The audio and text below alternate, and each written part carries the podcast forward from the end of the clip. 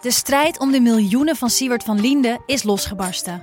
Zowel de staat als zijn stichting eisen de mondkapjeswinst terug. Maar dat die opbrengst in ieder geval niet thuis hoort bij Van Linde, daarover kan toch eigenlijk geen twijfel bestaan. Hoe kon het zo ver komen? Dit is het. We hebben beet. En als Siewert het geld teruggeeft, kunnen wij dit schandaal dan eindelijk loslaten? Je hoort het in de Mondkapjesmiljonairs, exclusief bij Podimo. Ga naar podimo.nl/slash mondkapjes.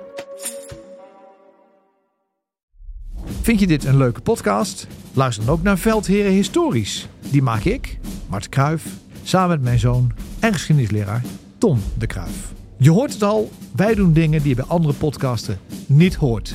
Oftewel, to boldly go where no one has been before. Zo behandelen we ook de slag om Alesia, waar Julius Caesar van twee kanten door de Galliërs werd aangevallen. Hij zou zo'n 1 miljoen Galliërs hebben uitgemoord. En Asterix en Obelix klopt niet. Zeker, en zo bespreken we ook markante veldheren en legendarische veldslagen uit geschiedenis.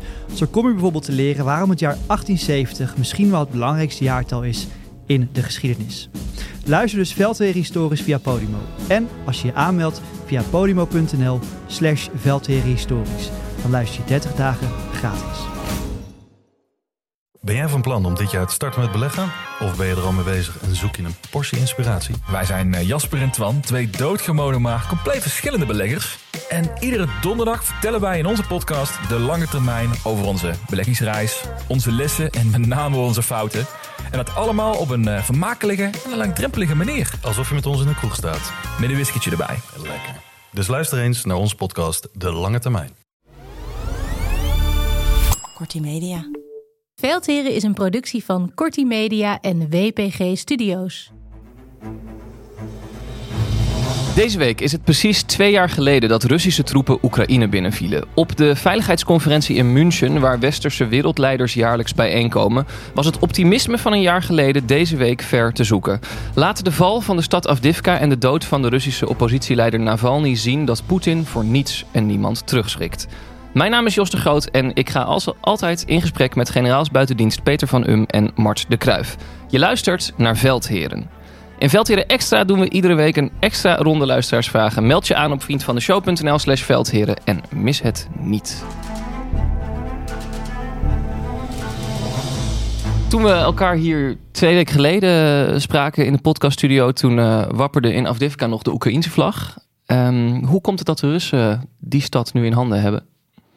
Nou, ik denk dat we dan niet naar de Russen moeten kijken, maar dat we eerder naar de Oekraïners moeten kijken. Uh, er is een wisseling van de wacht uh, bij de militairen van Oekraïne. Uh, daar zal ongetwijfeld een hoop discussie aan vooraf zijn gegaan tussen de oude commandanten strijdkrachten en Zelensky.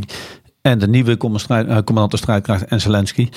En in ieder geval is daar een afweging gemaakt van nu stoppen we met, met vechten voor Afdivka. En we laten het los. Nou, dat is een, uh, denk ik een moeilijk besluit uh, voor de Oekraïners geweest. Uh, en ook moeilijk om uit te voeren. want ja, het is moeilijk om zo'n stadje te verdedigen. Maar het is ook moeilijk om hem dan los te laten. En daar kunnen we het daar misschien wel over hebben. Ja. Maar uiteindelijk is het een keus geweest van de Oekraïners. Ja. Hadden, ze, hadden ze eigenlijk überhaupt nog de, de middelen om, om door te vechten daar? Nee, misschien hadden ze die wel. Maar dan, het is niet verstandig om als je schaarse middelen hebt. Munitie, tanks, panzervoertuigen, om die in te zetten voor een doel waar je moet afvragen wat dat in het grote geheel van deze oorlog, wat daar de nut en functie van is. Ja, en Peter, jij noemt die wisseling van de wacht. Hè? De commandant der strijdkrachten, Saluzhny, die ging. De uh, commandant landstrijdkrachten is nu de hoogste baas, ja. Sierski.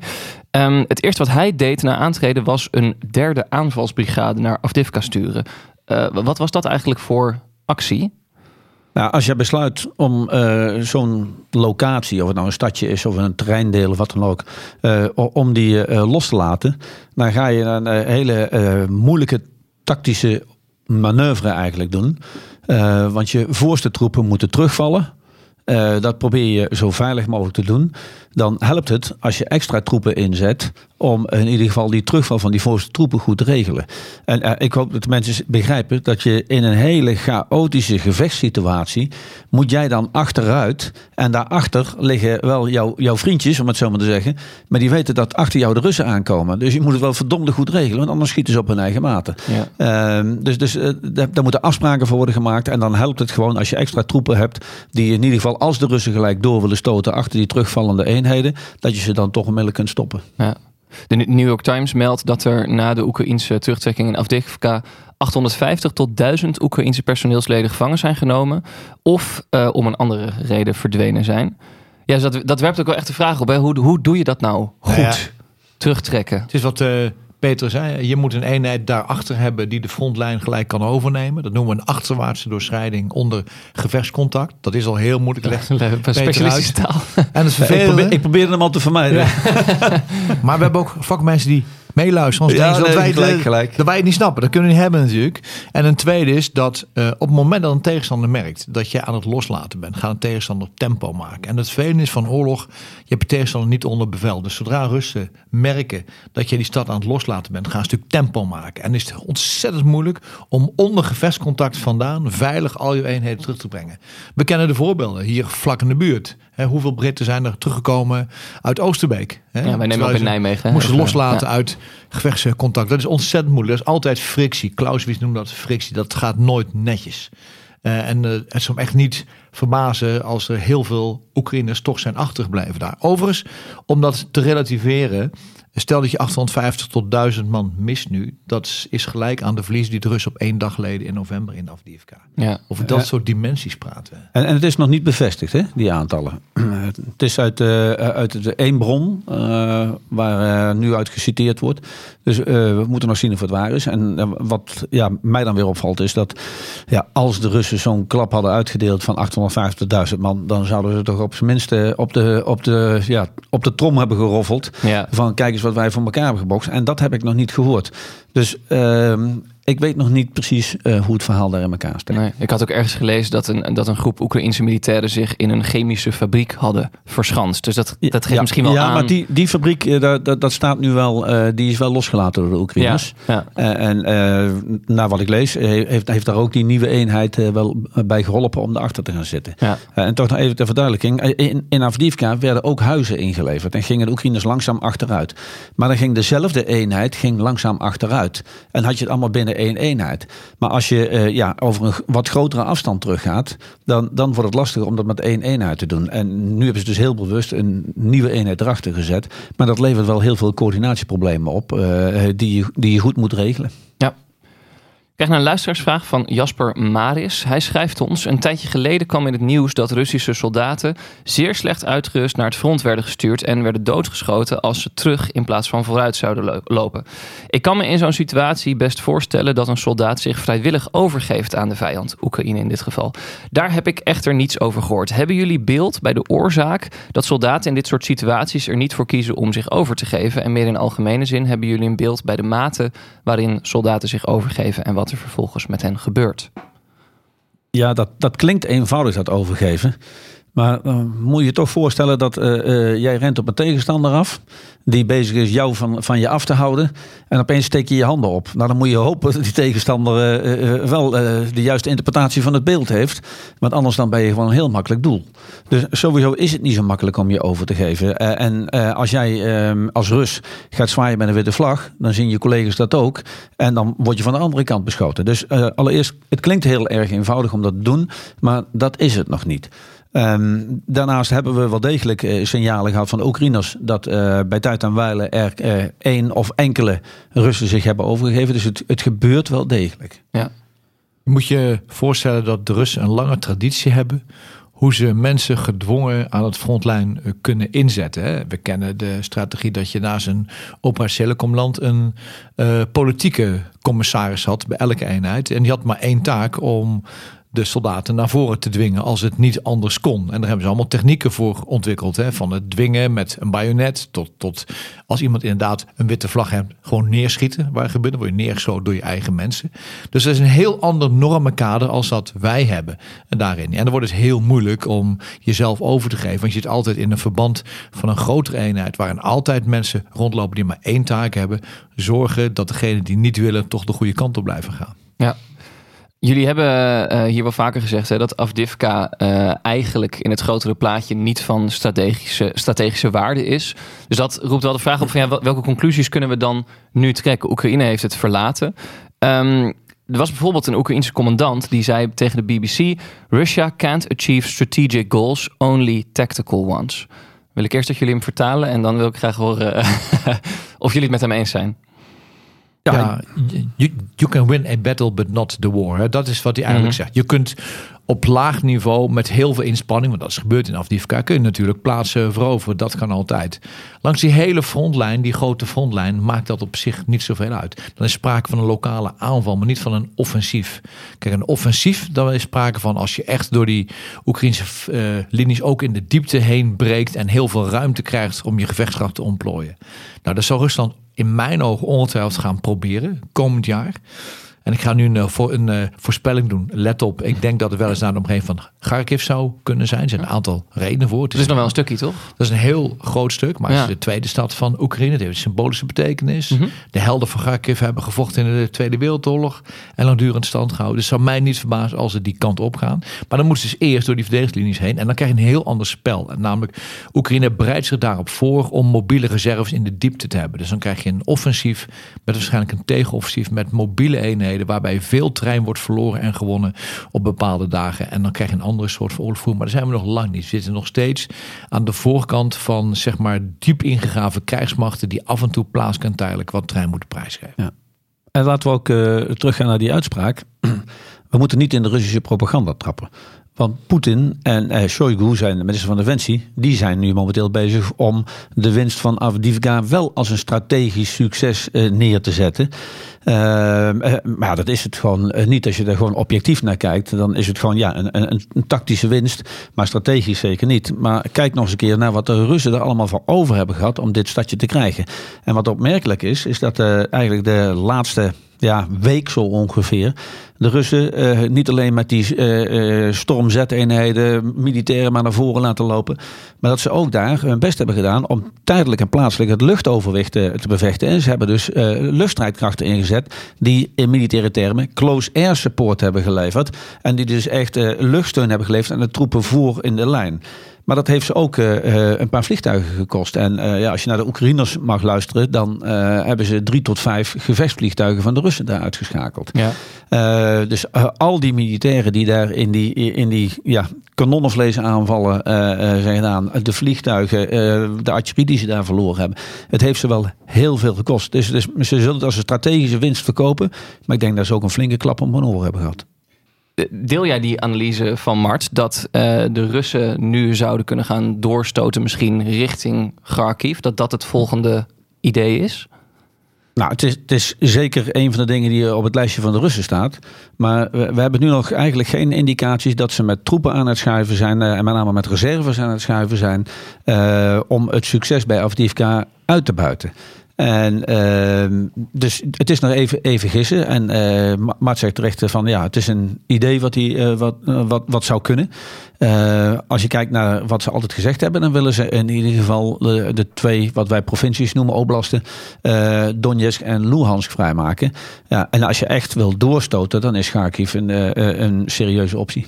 Maar het is natuurlijk niet zo voor duidelijkheid dat het dat in één keer doorgaat nu. Dit is een tactische aanval geweest. Wij praten over een tegenoffensief waarbij het gros van de Russische krijgsmacht moet concentreren in een zwaartepunt om door al die linies heen te stoten. Dat is een slag van een totaal andere dimensie dan we nu hebben gezien bij Ja. Avdiivka. En, en als we het eens omdraaien, Oekraïne, nieuwe legeraanvoerder nu. Ehm, toch nou ja, een symbolisch verlies in ieder geval geleden met Avdivka. Eh, hoe denken jullie dat zij het eh, gaan vormgeven de komende tijd? Ja, allereerst zullen ze ehm, moeten zorgen dat ze van welke hoek dan ook meer eh, eh, middelen krijgen. Eh, met name archerie, archerie munitie. Eh, dan moeten ze nieuwe middelen die ze krijgen, moeten ze nog, ja, laat ik maar zeggen, integreren in hun gevecht. De F-16's komen eh, dit jaar aan. Eh, er is sprake heel voorzichtig dat Amerika en Duitsland toch bereid zou zijn om lange afstandsmiddelen te gaan leveren. Dus dat moet hij allemaal in zijn plan meenemen en dan eh, ja, effectief maken. Terwijl de Russen dit ook weten. Eh, en die weten dat eh, er nu schaarste is aan luchtverdedigingscapaciteit. Er is schaarste aan artilleriemunitie aan de Oekraïnse kant. Dus eh, er is alle reden om met, met Mart mee te gaan. Dat er een, alsnog een, een Russisch offensief gaat komen. Ja. Voordat de Oekraïners hun, ja, laat maar zeggen, hun act together hebben. Ja. Mo- Moet ik daar dan ook de conclusie uit opmaken? Hè, jullie hebben het altijd over het initiatief. Je wil het initiatief hebben. Ligt het initiatief en misschien ook wel het momentum dan nu bij de Russen? Ja, dat is de vraag. Je zou eigenlijk zeggen van wel, hè, omdat ze natuurlijk deze overwinning hebben behaald. Maar zou ook goed kunnen, eh, en dat zien we al vaker in de geschiedenis, dat als je een veldslag verliest, dat je toch op zoek gaat naar succes elders.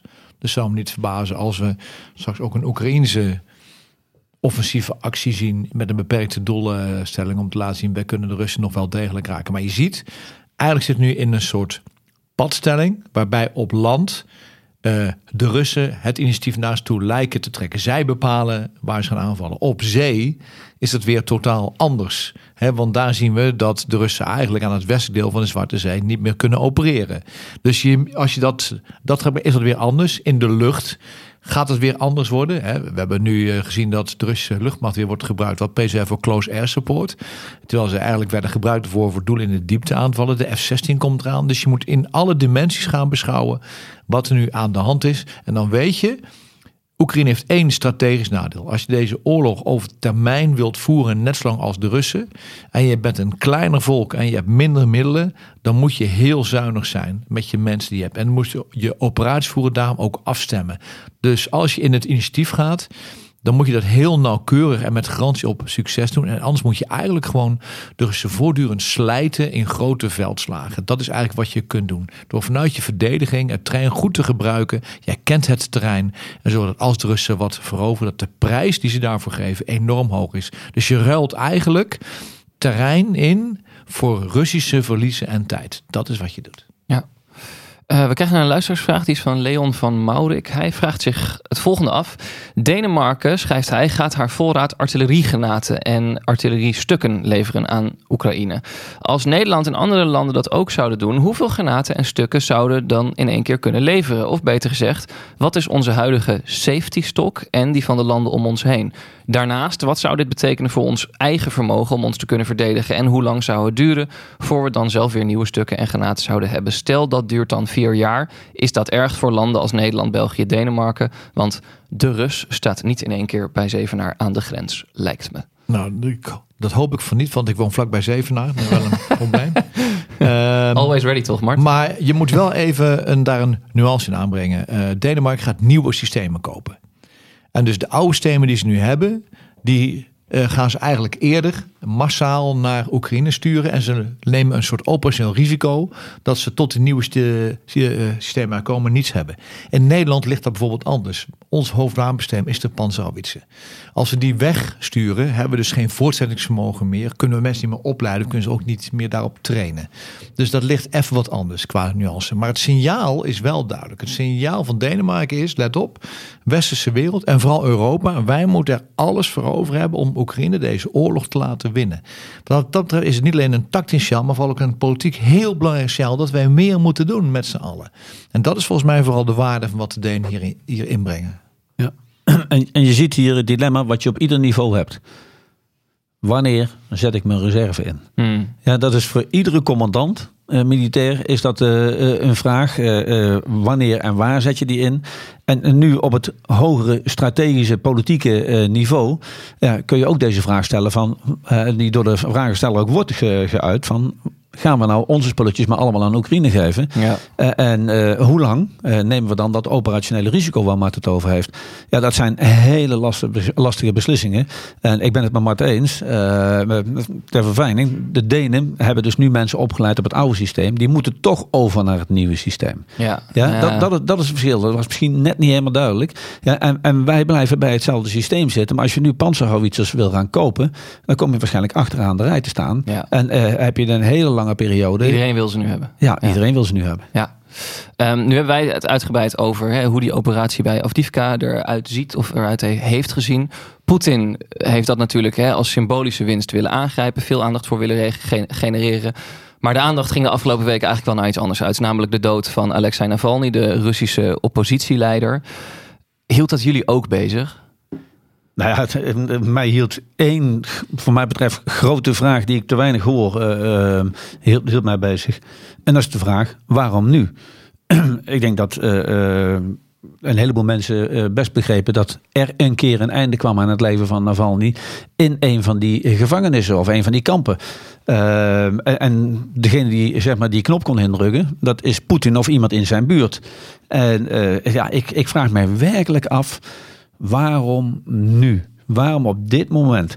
Want uh, de verkiezingen komen eraan. Dan weet, hij weet gewoon dat er reuring in zijn samenleving komt uh, hierdoor. Nou, dat zien we nu dus ook. Maar uh, een heleboel wereldleiders waren in München bij de veiligheidsconferentie bij elkaar. En hij geeft daar, uh, Navalny, uh, na zijn dood, een gigantisch podium voor bijna de hele wereld.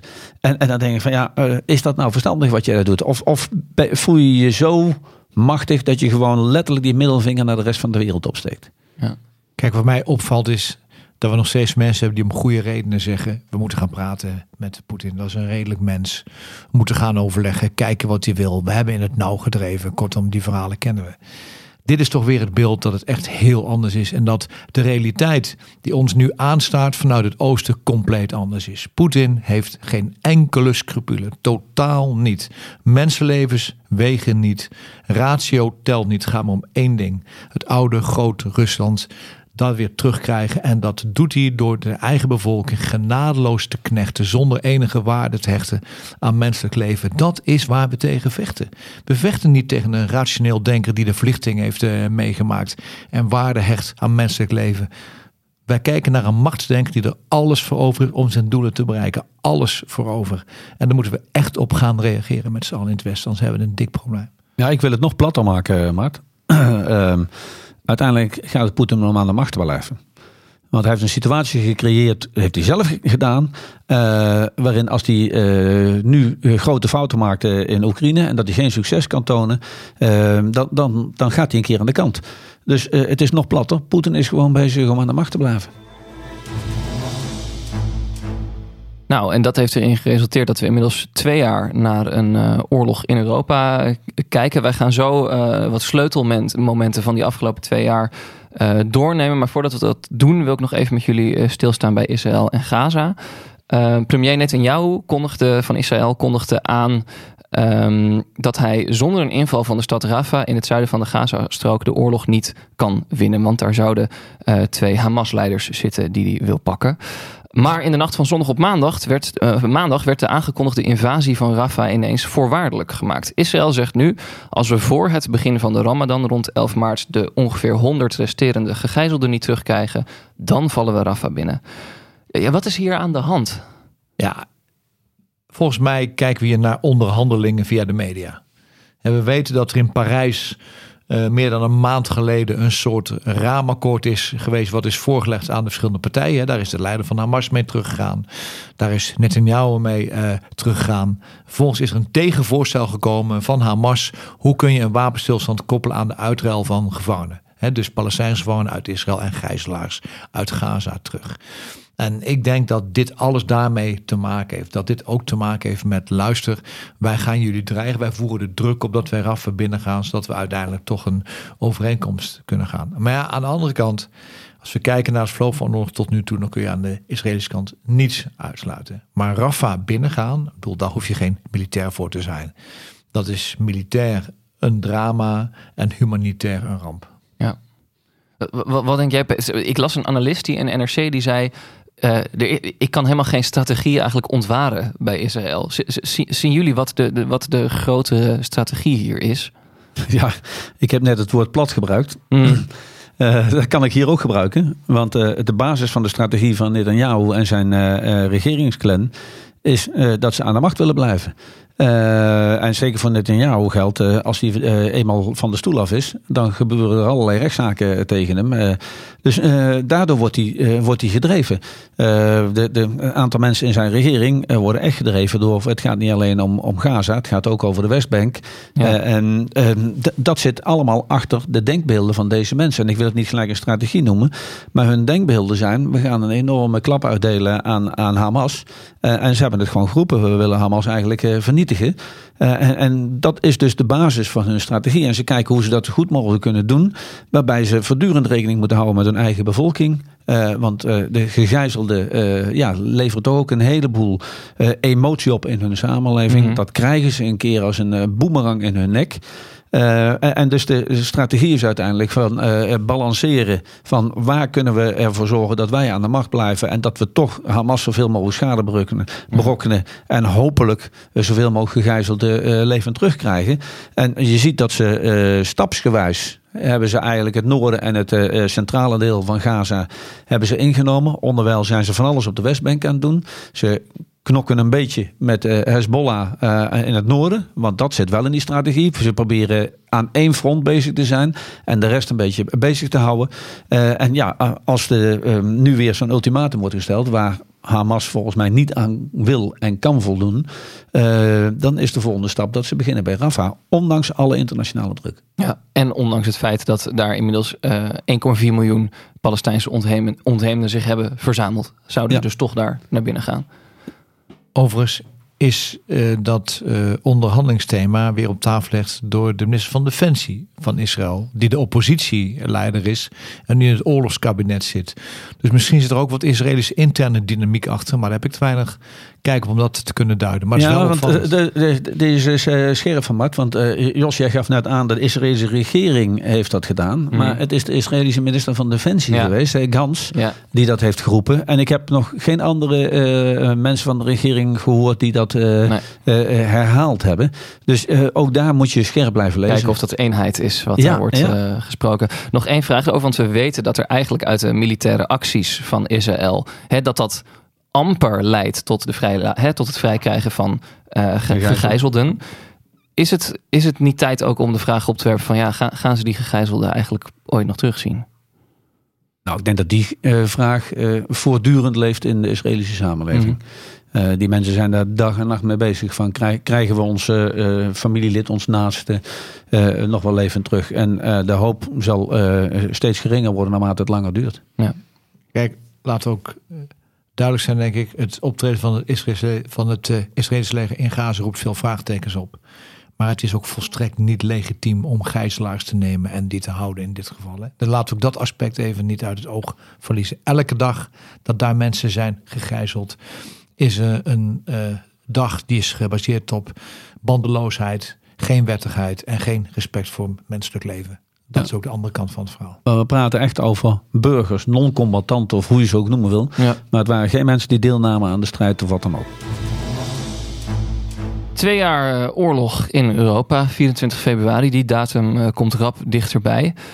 Wel, ja, welk gevoel, Peter, krijg je daar eigenlijk bij als ik dat zo zeg? Twee jaar oorlog in Europa. Ja, ik word daar heel triest van. Je bent er bijna gewend aan geraakt of zo, heb ik soms het gevoel. Nou, dat gevoel uh, zullen misschien een hoop mensen hebben, maar ik niet. Mm. Uh, hier moeten we echt nooit aan wennen.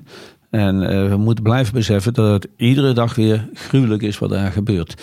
En het is gewoon rampzalig. Ehm, en laten we niet vergeten, ook voor de Russische bevolking, ook al staan ze er heel uh, ja, uh, terughoudend in en geven ze hun mening niet, maar ook voor de Russische bevolking, die moet er heel veel voor inleveren.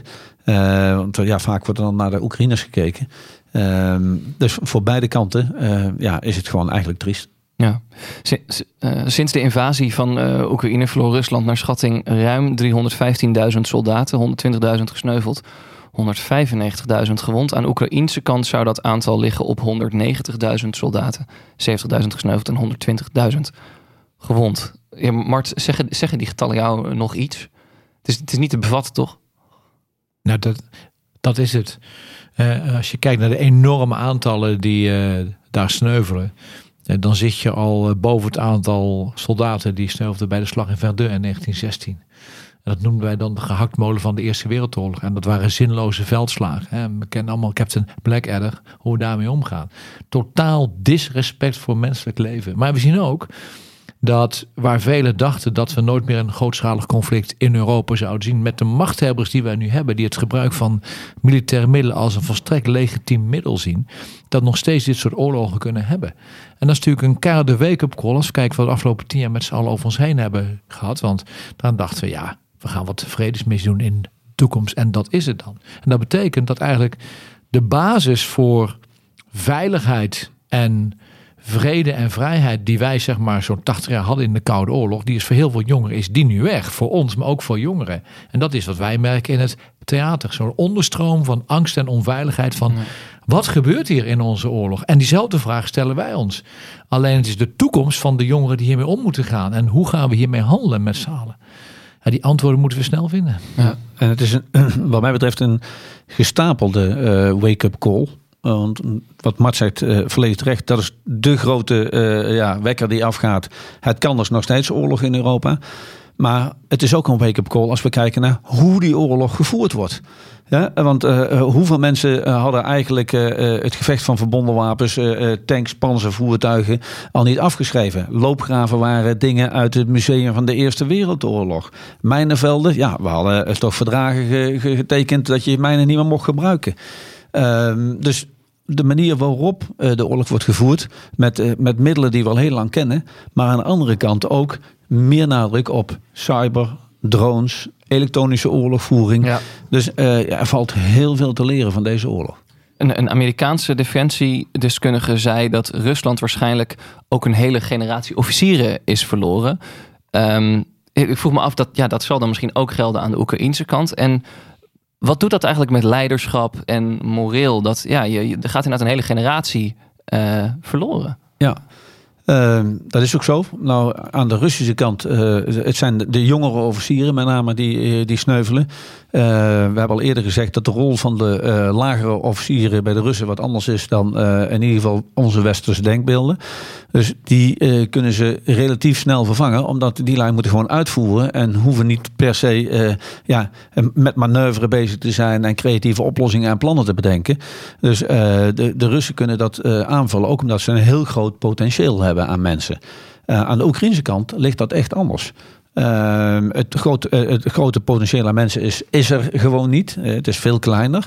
En je ziet daar toch dat ja, het moeilijk is om sowieso al troepen te vinden. Hè? Soldaten, manschappen.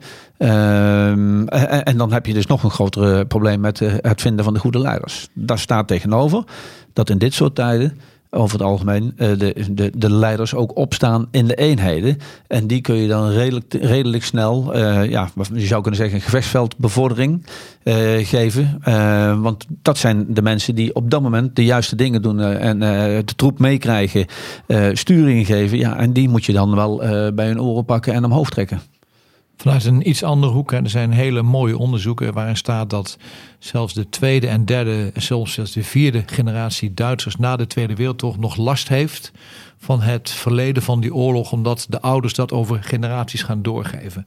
Dat gaan we hier ook zien. We gaan nog generaties zien in Rusland en in Oekraïne die deze oorlog meenemen in hun beleven en hun mensen en doorgeven aan hun kinderen. Dus de impact van deze oorlog die stopt niet als er een wapenstilstand of een vrede komt. Ja, we kregen eh, nog een vraag van luisteraar Jasper Maders. Hij kwam net ook al even voorbij. was een vraag waarvan ik dacht, uh, dat maakt misschien wel heel inzichtelijk uh, hoe het eraan toe gaat. Ben benieuwd wat jullie ervan vinden. Hij schrijft, kunnen jullie iets vertellen over de geur van oorlog? Als ik hierover nadenk, dan lijkt het me dat die geur niet bepaald prettig is. Ik denk aan kuitdampen, modderpoelen, ongewassen lichamen en misschien zelfs wel rottend vlees. We horen nooit iets over de geur van oorlog, maar als ik erover nadenk kan ik me voorstellen, voorstellen dat die geur ook heel herkenbaar of typisch is. En daardoor in de hoofden van soldaten komt te zitten en misschien wel nooit meer weggaat. Nou, ik heb nooit op een, uh, op een slagveld gestaan. Uh, dus uh, in die zin ken ik die geur niet. Maar ik weet wel wat het is als je gewoon met 150 kerels een week lang in de, in de schuttersputten hebt gestaan. Uh, en uh, in de panzervoertuigen hebt gezeten. Dan, uh, dan wordt het al wat anders in je omgeving. Word je niet blij van. En ik, ik kan me nog herinneren dat we een keer geoefend hadden. En toen koningin Beatrix op bezoek kwam. En uh, toen hadden we daar op een gegeven moment formeerde zich een groep van 150 uh, militairen. En die waren, uh, dat waren jagers. Uh, van de garde En die wilden graag een foto met de koningin maken. Omdat ze dan tegen hun collega's van de grenadiers kunnen zeggen van wij hebben lekker een foto met de koningin. Maar ja, er waren 150 stinkende kerels. En uh, uh, het werd aan de koningin gevraagd. En ze blikte of bloosde niet. En ze ging ertussen staan en er werd een foto gemaakt. Ook gewoon om, om die makkers een plezier te doen. Ja, dat vond ik wel klasse. Ik heb een citaat. Vertel. Let op. Er is niets meer dat beweegt.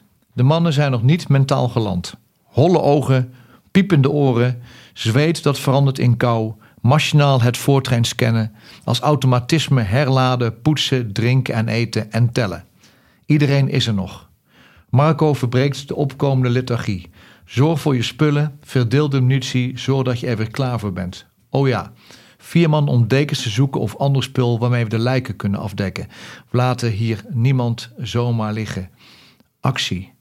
Maar de geur verdwijnt niet van het slagveld. Dit fragment beschrijft een van de acties waarvan Marco Kroon uiteindelijk wordt onderscheiden met Mm. de militaire Willemsorde.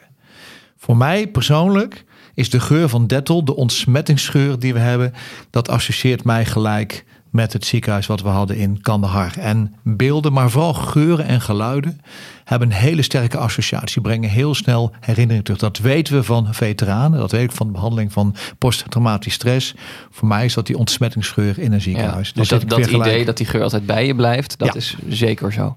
Waar citeerde jij nu uit eigenlijk? Dat is een, eh, een eh, stuk tekst dat is gemaakt voor een lezing over het optreden van Marco Kroon tijdens de Machiavelli-prijs in Breda afgelopen jaar. Kijk aan. Ehm, dan is, eh, laten we even kijken naar het materieel. Eh Rusi, die denktank, die heeft berekend over hoeveel materiaal eh, de invasiemacht van Rusland nu zou beschikken. En dan lees ik even op. Ruim 2000 tanks, ruim 7000 panzervoertuigen, bijna 5000 artilleriestukken, 290 helikopters, 310 gevechtsvliegtuigen. Maar mij zegt dat allemaal niet zoveel. Ehm, maar jullie vast wel. wat, moeten we hieruit afleiden? Nou, dat de Russen nog spullen zat hebben. Eh, dat, is- dat is de simpele conclusie. Ja?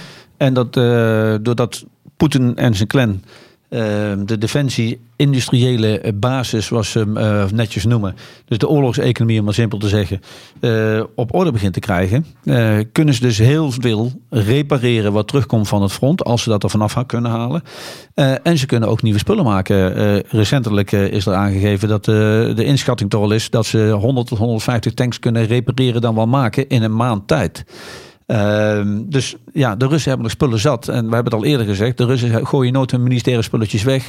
Dus eh, ze hebben in opslagloodsen nog eh, eh, het nodig aan, ja, ik noem het maar oude meuk. Oude meuk, dat wordt vaak gevallen aan tafel. ja, staan, Ja. Die, ze, die ze nog wel kunnen inzetten. Dus voorlopig is er geen einde aan, aan, aan de Russische materiële stroom, om het zo maar te zeggen. De vraag is.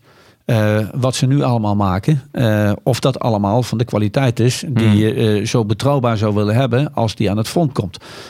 Hebben ze voldoende grondstoffen? Kunnen ze de juiste chips nog wel in, in dingen steken? Dus doet het spul het wel wat- als we het echt nodig hebben? Dat, dat is een vraag die in de toekomst ja, beantwoord gaat worden. Ja. Maar Mart, had jij verwacht dat die oude meuk anno 2024 nog zo belangrijk zou zijn? Nou ja, ja, want eh, in de meidagen 1940 vochten wij nog met kanonnen uit 1876. Dus wat dat betreft is niet is zoveel tijden. veranderd. Er is niet zoveel veranderd. Dat is voor alle tijden. Maar vooral IUSI is een zeer gerenommeerde denktank. En als je gewoon kijkt wat voor een gevechtskracht dit is, wat voor een slagkracht dat is, dan is dat enorm. Hè? Als je uitgaat van dat je moet verdedigen op één staat tot drie en de Russen hebben 2000 tanks en dat is groeiend, en dan moet je zelf minstens 700, 800 tanks hebben om daar weerstand tegen te kunnen bieden. En de vraag is, heeft Oekraïne die? Ja. En hoeveel hebben wij geleverd? En dan praat je over tientallen, dan praat je over dozijnen, maar niet over honderdtallen. We moeten ons echt heel goed realiseren dat als Oekraïne deze oorlog ook op tijd wil winnen, dan moet er niet alleen moreels technisch veel gebeuren, moeten we gewoon blijven steunen en het uitstralen, maar dan moet ook gewoon hardware die kant op. Munitie, tanks, artillerie, het moet die kant op. Terug naar de sjaal van Denemarken, die hebben dat goed begrepen. Het moet nu gebeuren. Ja, en eh, het liefst heb je natuurlijk dat de Russen dat aan het, niet aan het front kunnen brengen en niet tot gelding kunnen brengen. Dus je, je zult Oekraïne toch middelen moeten geven om eh, reserves, voorraden en dergelijke aan te grijpen. Waarbij ik nog steeds het dilemma begrijp van het Westen van ja, maar niet op Russisch grondgebied. Ja. Eh, dus dat snap ik wel. Maar je, je zult uiteindelijk eh, ook op het Russisch grondgebied iets moeten doen tegen de oorlogseconomie. Ja, en daarmee komen we eigenlijk bij de rol van het luchtwapen. Ehm, want hè, van de oude meuk zijn we ook naar de drones gegaan, zal ik maar zeggen. Voormalig eh, generaal van het Oekraïnse leger, Saluzny, die betoogde al dat drones een grote rol moeten spelen in de nieuwe strategie. Eh, en Nederland doet mee aan een drone-coalitie om Oekraïne te voorzien van die geavanceerde drone-technologie. Ja, wat heeft die introductie van de drone teweeggebracht in de oorlog die we zien? Nou, in ieder geval hadden de Oekraïners denk ik iets eerder door eh, wat die drones voor hun konden betekenen. En die hebben dat in het begin zeker uitgebuit. Maar eh, ja, de, de Russen gaan er nu heel erg prat op dat ze eh, ja, drones vanuit Iran na- naar binnen halen. Maar ook dat ze zelf steeds beter in staat zijn om grote hoeveelheden drones te maken. Dus daar zie je dat in capaciteit er nu in ieder geval een balans komt te bestaan. En, en die drones maken het uiteindelijk ja, aan de frontlijn een stuk lastiger. Maar ze gebruiken de grote drones ook om in de diepte, in het achterland van de ander, uh, uiteindelijk doelen aan te grijpen. Nou, daar zie je, zie je een verschil. De Russen die echt bezig zijn om de de, de samenleving, de maatschappij van de Oekraïners gewoon dwars te zitten door energie, voedselvoorziening, watervoorziening, dat soort dingen allemaal aan te pakken. Terwijl de Oekraïners meestentijds, ik zeg bewust meestentijds, zich nog richten op militaire doelen, maar er ook af en toe gewoon civiele doelen worden geraakt. Ja, en, en die drone-coalitie waar wij als Nederland dan aan meedoen, wat moeten we daarvan verwachten? snel willen proberen om een Europees verband of in die coalitieband zoveel mogelijk drones te produceren en die naar Oekraïne te gaan Hmm. sturen. Maar de vraag is, waar hebben ze behoefte aan? Wat voor soort drones hebben ze uh, behoefte aan daar? Want je ziet dat ze heel veel start-ups hebben. Eigenlijk worden drones in het Oekraïns leger van onderaf ingevoerd. Kleine start-ups beginnen met duct tape en antitankwapen en vliegen. Terwijl de Russen dat van bovenaf doen. Hè? Heel strak geregisseerd van bovenaf. Uh, en de vraag is wat wij eraan kunnen toevoegen. Ik vermoed dat dat vooral de wat grotere drones met een groter bereik en wapendrones waarmee we kunnen helpen. Maar je ziet ook al dat we naar anti-drones systeem aan het gaan zijn. Steeds meer. We weten dat de Russen bijvoorbeeld uh, GPS-jammers hebben. Dus dan werk je TomTom -tom echt niet meer. Want de satelliet kun je gewoon niet ontvangen. En dan weet vaak een drone niet waar hij aan het vliegen is. Een drone heeft ook problemen om bijvoorbeeld s'nachts te vliegen. Want dan moet je de nachtschichtapparatuur aan hangen. Dat is allemaal weer wat zwaarder en zo. Dus kortom, uh, je ziet steeds meer, en dat is eigenlijk ook in de geschiedenis zo, je ziet actie en een soort tegenactie uh, komen. Maar drones nu geven je gewoon veel meer inzicht. In elk geval dat je tactisch niet wordt verrast op het slagveld, dat is één. En tweede is dat je vanuit de diepte heel snel doelen kunt uitschakelen met bewapende drones, dat is twee. En een derde is dat je sensor-to-shooter tijd veel korter wordt. Wat bedoelen we daarmee? Je hebt een drone boven een gebied, je ziet een vijandelijke tank en je kunt heel snel via de drone je eigen artillerie opdracht geven, schiet een granaat op dat coördinaat en je schakelt die tank uit. Ja. We, we, hebben uh, de hele tijd terug alweer een aflevering gemaakt over hoe de strijd in Oekraïne nog geen luchtoorlog was.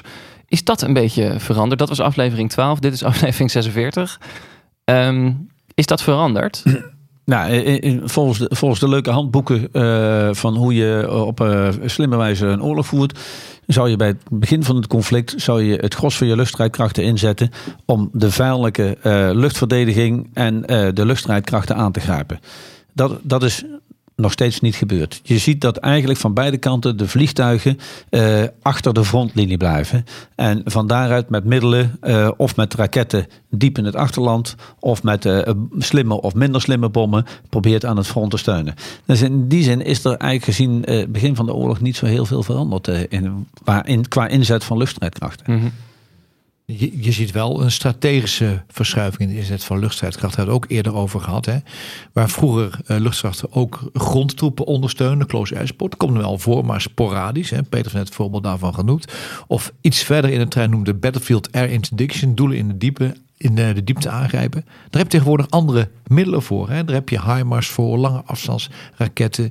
Die technologie gaat zo snel dat je eigenlijk kunt zeggen dat betekent dat de inzet van de luchtstrijdkrachten krijgt ook een andere dimensie, zal meer in de diepte gaan. Ja. Uh, en dat is iets wat we gewoon zien, die ontwikkeling zien we gewoon in algemene zin. Dus dat maakt wel een verschil. Aan de andere kant, wat zijn luchtstrijdkrachten? We zien bijvoorbeeld dat gevechtshelikopters van de Russen heel veel schade hebben aangericht aan het offensief vermogen van Oekraïne toen ze dat wilden. Dus dat is wel degelijk een vorm van close air support, maar dan volledig geïntegreerd in het optreden van landstrijdkrachten. Ja. He, maar de dure systemen die wij hebben, de F-35's, uh, de uh, Su-35 van uh, de Russen, die zie je toch steeds meer op grote afstand proberen met precisie doelen te kunnen uitschakelen. En niet de enkele tank op de operatie ja.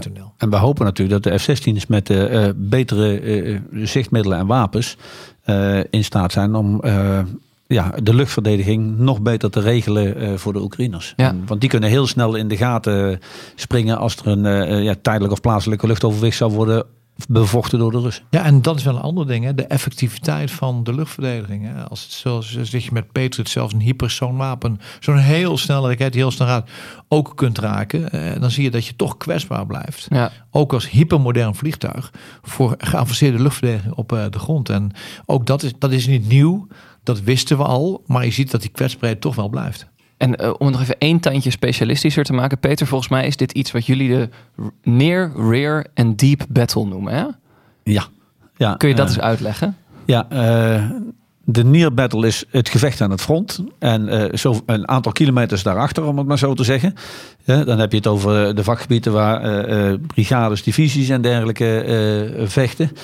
Um, dan heb je de rear battle, dat is het achtergebied. En dan heb je de deep battle, dat is voor je frontlijn uit. En dan tot heel diep. Dus mijn deep battle is de rear battle van mijn tegenstander. En uh, ja, daar zie je in, dat, enorme verschil van opvatting, wat ik net uitlegde, dat de Russen in het achtergebied vooral uh, civiele doelen aangrijpen, terwijl Oekraïne meestentijds dus gewoon militaire doelen aangrijpt. En, en dat is dus nodig om ook uiteindelijk aan het front in een redelijke gevechtskrachtverhouding te blijven zitten. en juist om die voorraden en, en reserves van de, van de Russen aan te vallen. En, en niet te vergeten commandoposten. Niets aan toe te voegen. Nou, helder. Uh, dan uh, moeten we ook nog even stilstaan bij het maritieme domein. Uh, hè, een week geleden meldden Oekraïnse tijdkrachten opnieuw een Russisch landingsschip uh, tot zinken te hebben gebracht. Waarmee de Russische Zwarte Zeevloot nabij de Krim opnieuw een belangrijk schip kwijtraakte. En dat ondanks dat Oekraïne eigenlijk nauwelijks marine heeft. Dat hebben we in aflevering 23 geleerd toen wij Michiel Heijmans hier te gast hadden. Hoe krijgen ze toch voor elkaar om ook in het water successen te boeken? Ja, door vooral niet zelf het water op te gaan. uh, en vanaf hun, eigen grondgebied, voornamelijk met raketten of drones, dat kunnen vliegende of varende drones zijn, schepen aan, aan, te vallen. plus dat ze een paar staaltjes hebben gedaan. Dat ze dus echt gewoon met kleine bootjes um, naar de Krim toe zijn gegaan. Om daar radarposten of wat dan ook aan te vallen. Maar het heeft er uiteindelijk wel toe geleid dat de, Russen, nou niet alles, maar heel veel materiaal weg hebben gehaald bij de Krim. Hè, dus maritiem materiaal weg hebben gehaald bij de Krim. En meer naar het oosten in Russische havens hebben gebracht. En daardoor ja, is het westelijke deel van de Zwarte Zee uh, nu door civiele vaartuigen te gebruiken om uiteindelijk ja, graan en andere spullen van Oekraïne ergens anders naartoe te brengen. en het voorkomt dat er een landingsoperatie ergens aan de zuidkant van Oekraïne zou gaan plaatsvinden. Waarvan ik me afvraag of die er überhaupt wel zou komen. Hmm. Maar in ieder geval voorkomen ze uh, die dreiging. En uh, ja, ik vind het wel opvallend dat ze uh, een aantal landingsschepen nu juist hebben aangevallen en vernietigd. En ja, als in die landingsschepen ook nog materiaal heeft gezeten, dan slaan ze natuurlijk een dubbele slag. Want als, de, als die dingen vol zitten met tientallen panzervoertuigen en tanks, ja, dan heb je twee vliegen in één klap. Ja. Denk je, Mart, dat die rol van de Zwarte Zee uh, nou, belangrijk blijft of misschien nog wel groter wordt? Nou, we zien gewoon dat bijvoorbeeld voor de export van graan het voor Oekraïne het laatste ook met cijfers aantoonbaar makkelijker is om via de kustlijn tegen de kust van Roemenië aan toch graan te exporteren. Ja. En dat wil zeggen dat dat weer de economie van Oekraïne gaat ondersteunen. Dus mensen zeggen wel eens dat het een frozen oorlog is. Nee, dat is het niet. Noord- en Zuid-Korea is een frozen conflict. Waar we mensen moeder naar elkaar staren vanuit de schutsputten, maar er gebeurt niks. Hier gebeurt heel veel intensieve gevechten op het slagveld, op de grond.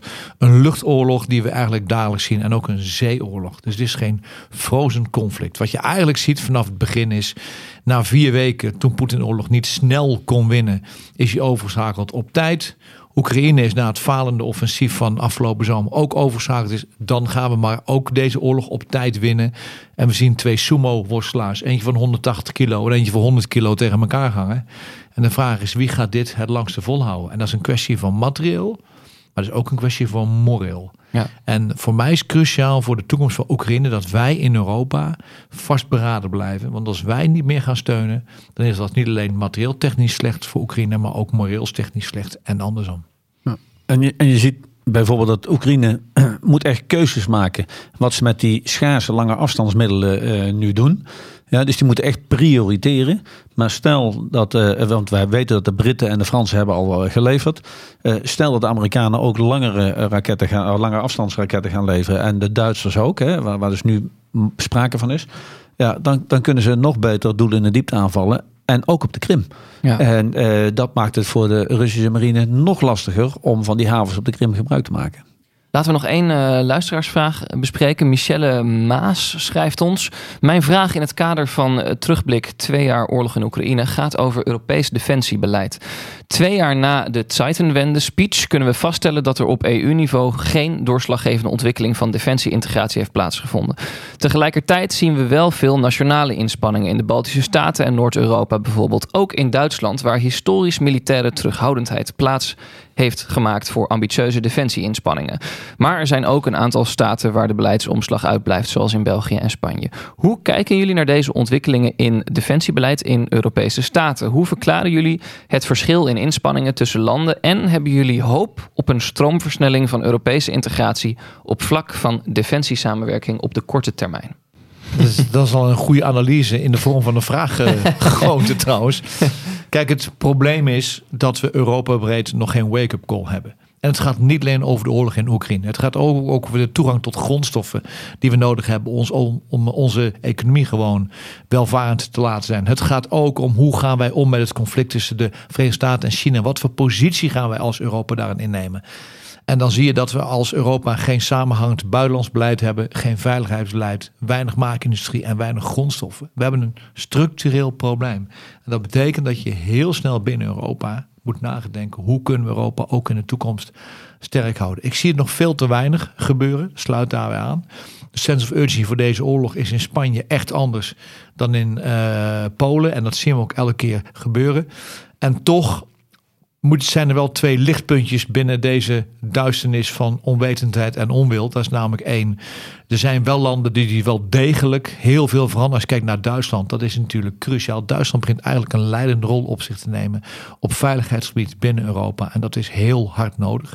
Zelfs zover dat ze overgaan bijvoorbeeld tot het kopen van Amerikaanse helikopters en vliegtuigen. Wat ze nooit hebben gedaan. Hè? Chinooks en F-35. En dat is een hele goede. En het tweede is dat je ook van onderaf de Europese integratie steeds meer tempo ziet krijgen. Hè. We hebben al vaker gezegd, het hoofdkwartier van de Belgische marine staat in Den Helder. Het grootste hoofdkwartier van de landmacht staat in Münster. Het moet als niet van bovenaf gaan, dan moet het maar met z'n allen van onderaf doen. Maar we moeten gaan integreren en, en, en rap en heel rap. En ja, dat wordt moeilijk. Er komen verkiezingen aan in Duitsland en in Frankrijk en Engeland. Wat eruit komt, weet ik niet. Maar het vereist wel politieke moed en staatsmanschap. En misschien is die wel het hardst nodig om te zeggen: luister, we krijgen zeven magere jaren. Maar we moeten daar wat aan doen. Anders krijgen we geen zeven vette jaren terug. Beetje visie is wel nodig in deze tijd. Ja, nou, ik zie nog een lichtpuntje. Want uh, in Europa... Ik, ik hoopte nog op ja, een. Ja, toch nog. Ja. uh, we hadden het net al over het drone-initiatief van de Europese landen. Dus we beginnen te beseffen dat we dingen samen moeten aanschaffen. Hè. Uh, er is een, een, pot waar we samen munitie voor Oekraïne uitkopen. Als we daar nou van leren dat we gewoon gezamenlijk militair materieel moeten aanschaffen voor Europese krijgsmachten. Dan maken we in ieder geval ook alweer een, een stap. Want dan krijg je ook meer standaardisatie van materieel. Dat, dat, dat helpt ook. En ik vind dat er dus ook druk op de Europese defensieindustrie moet zijn.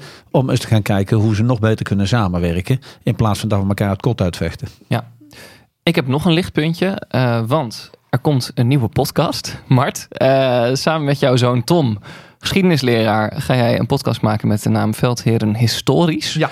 Wat gaan jullie daarin bespreken? Deze week de eerste aflevering? Wij wisselen af veldslagen en beroemde veldheren en velddames. En uh, die gaan we in de dieptes analyseren wat ze hebben gedaan. Dat kan soms tot totaal andere beeldvorming leiden. Bijvoorbeeld Patton als cliffhanger. Maar we beginnen met de man die uh, werd geroemd als held van Verdun, als held van Frankrijk. En eindigde als de verrader van Frankrijk, generaal Pétain. Kijk, en uh, waar kunnen mensen dat luisteren? Bij Podimo, Veldheren Historisch. Kijk, heel goed. Jij krijgt er geen genoeg van, hè? Podcast.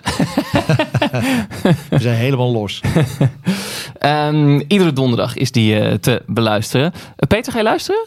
Um, als, als ik tijd heb, dan, uh, dan moet ik toch maar eens een keer een abonnement nemen op, op, op, die club. want, ja, ik heb wel een linkje voor je hoor. heel, heel goed.